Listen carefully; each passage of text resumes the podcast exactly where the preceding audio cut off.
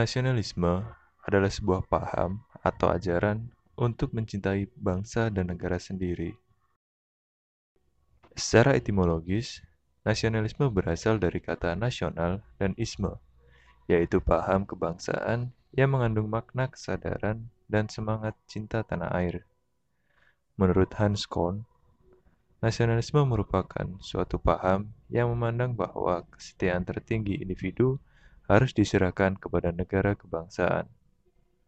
Sedangkan nasionalisme Pancasila adalah pandangan atau paham kecintaan manusia Indonesia terhadap bangsa dan tanah airnya yang didasarkan pada nilai-nilai Pancasila.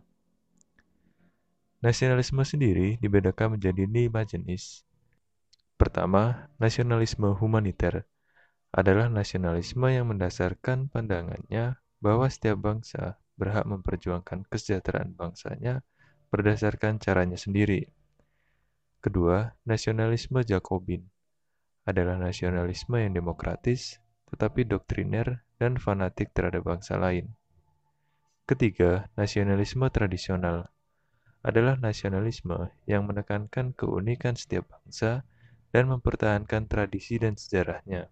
Keempat, nasionalisme liberal adalah nasionalisme yang menekankan pentingnya dunia berpegang pada prinsip di mana setiap bangsa berhak menentukan nasibnya sendiri.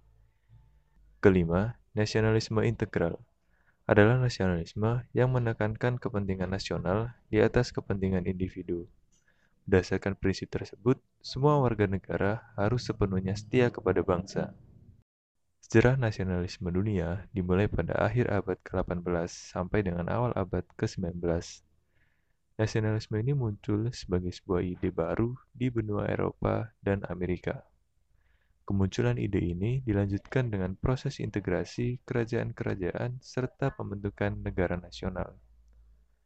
Sedangkan pada awal abad ke-20, nasionalisme tumbuh di Asia, sebagian besar sebagai reaksi perlawanan terhadap kolonialisme dan imperialisme. Sedangkan sejarah nasionalisme di Indonesia terdapat tiga titik penting. Pertama, kebangkitan nasional yang ditandai dengan berdirinya organisasi Budi Utomo pada tahun 1908, yang merupakan titik lahirnya ide atau gagasan tentang nasionalisme Indonesia.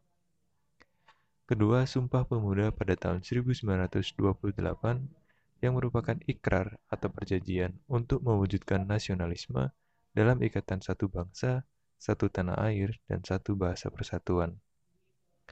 Ketiga, Proklamasi Kemerdekaan Indonesia pada tahun 1945 adalah sebuah pernyataan nasionalisme sebagai bangsa yang merdeka, berdaulat, dan bersatu sebagai wadah negara nasional yang bernama Republik Indonesia. Tantangan nasionalisme di NKRI terbagi menjadi beberapa periode. Di antaranya pada tahun 1908 hingga tahun 1945, adanya proses melawan kolonialisme dari bangsa asing menjadi bangsa yang merdeka adalah sasaran nasionalisme pada periode ini. Dilanjutkan tahun 1945 hingga 1949, adalah masa untuk mempertahankan kemerdekaan dari ancaman kembalinya kolonialisme bangsa asing. Tahun 1950 hingga 1965, ancaman terhadap keutuhan NKRI banyak berasal dari dalam negeri. Tahun 1966 hingga tahun 1995, terjadi kesenjangan kesejahteraan rakyat serta tantangan peningkatan pembangunan. Di tahun 1995 hingga 1998, terjadi krisis multidimensi, utamanya pada sektor ekonomi, serta mencuatnya kasus-kasus integrasi seperti korupsi, kolusi, dan nepotisme. Tahun 99 hingga saat ini, bertumbuhnya sifat-sifat individualisme dan kebebasan yang berlebihan pada warga negara. Nasionalisme sendiri merupakan sebuah pemahaman yang memiliki sifat positif.